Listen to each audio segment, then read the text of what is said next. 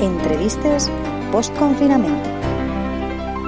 La nova normalitat vista a través de la teua ràdio.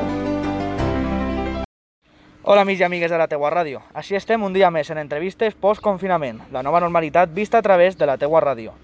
Avui estem amb Miquel Bonal, campió autonòmic i nacional de natació. Anem a parlar amb ell els canvis que ha tingut que fer en la seva rutina diària d'entrenament i a la seva carrera com a nadador durant aquests mesos. Hola Miquel, ¿cómo estás? Muy bien, Aitor. Bueno, lo primero, gracias por acceder a realizar esta entrevista para la Tegua Radio en tu apretada agenda de entrenamiento. Nada, nada, gracias a ti.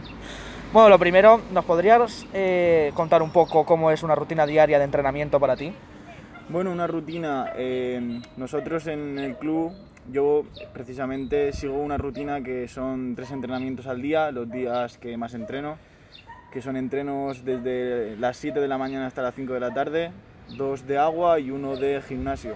Son un poco duros, pero al final es lo que hay que mantener para poder estar a un gran nivel. Y bueno, ¿cómo has hecho para adaptar esta rutina tan dura al confinamiento y ya no poder salir de casa?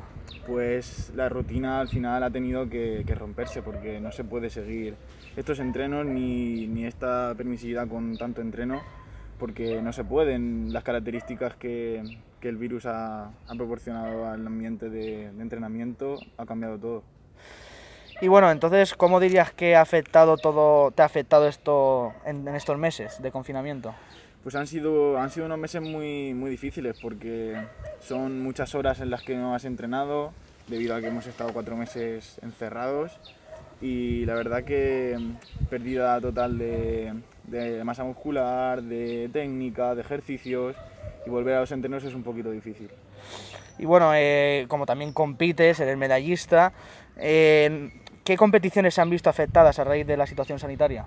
Bueno, afectadas, afectadas han visto todas, porque ahora mismo no hay ninguna. Pero más importante es, o que me han afectado a mí, pues el campeonato autonómico y nacional y luego el europeo, que era una, una gran meta, pero que por el virus se ha visto totalmente anulado. Y bueno, como hemos afirmado al principio de, de esta entrevista, Miquel es campeón a nivel autonómico y nacional. Eh, ¿Nos podrías hablar un poco de cómo llegas a conseguir estas medallas y ga- galardonarte como un verdadero crack de la natación? Bueno, al final lo que, lo que te hace llegar a un nivel muy alto es, es el esfuerzo, ¿no? Hay que, hay que esforzarse día a día para, para conseguir lo que quieres y, y pues yo lo he hecho por una parte, espero, espero poder esforzarme más durante todo, todo lo que dure mi carrera y, y poder seguir así. También hay que, hay que tener un sentimiento hacia, hacia tu deporte. No puedes, no puedes estar a un gran nivel y, y no apreciar lo que estás haciendo o que te da igual solo estar ahí por las medallas. Tienes que apreciarlo y, y querer y saber que estás ahí porque, porque lo aprecias. Y bueno, entrando un poco en tus inicios como nadador, ¿desde cuándo practicas la natación?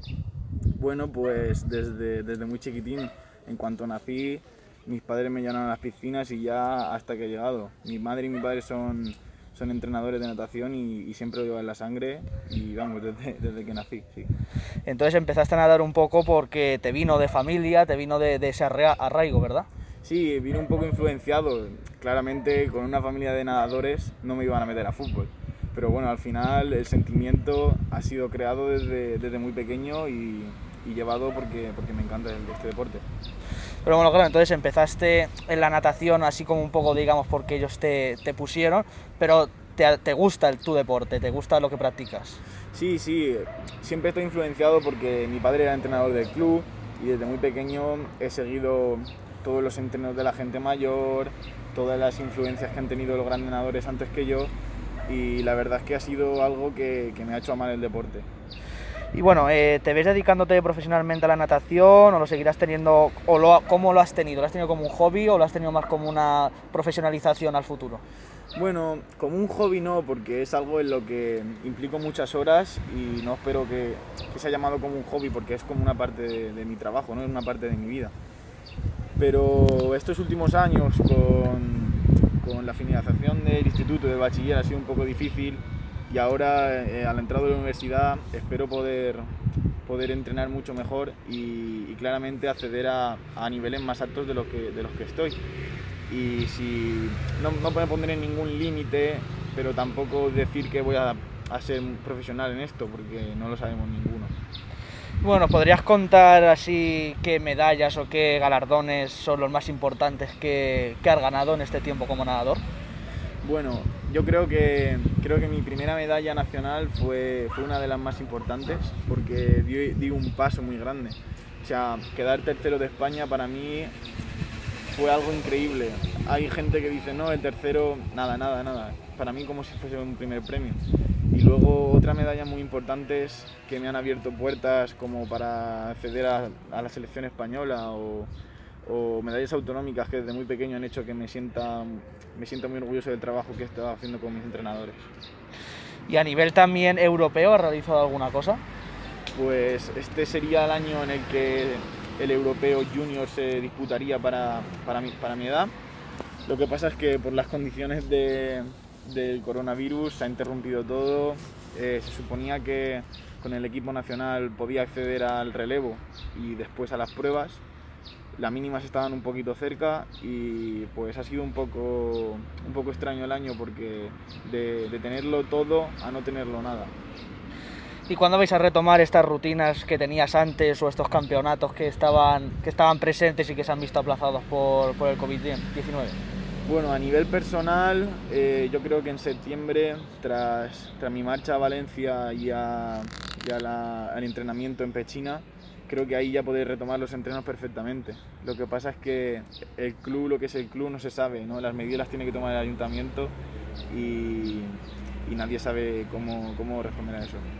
Y bueno, ya para terminar, ¿qué le dirías a estos todos nadadores, nadadores y deportistas que van empezando o que alguna persona indecisa quiere participar en algún deporte y lo que la natación le podría, le podría aportar?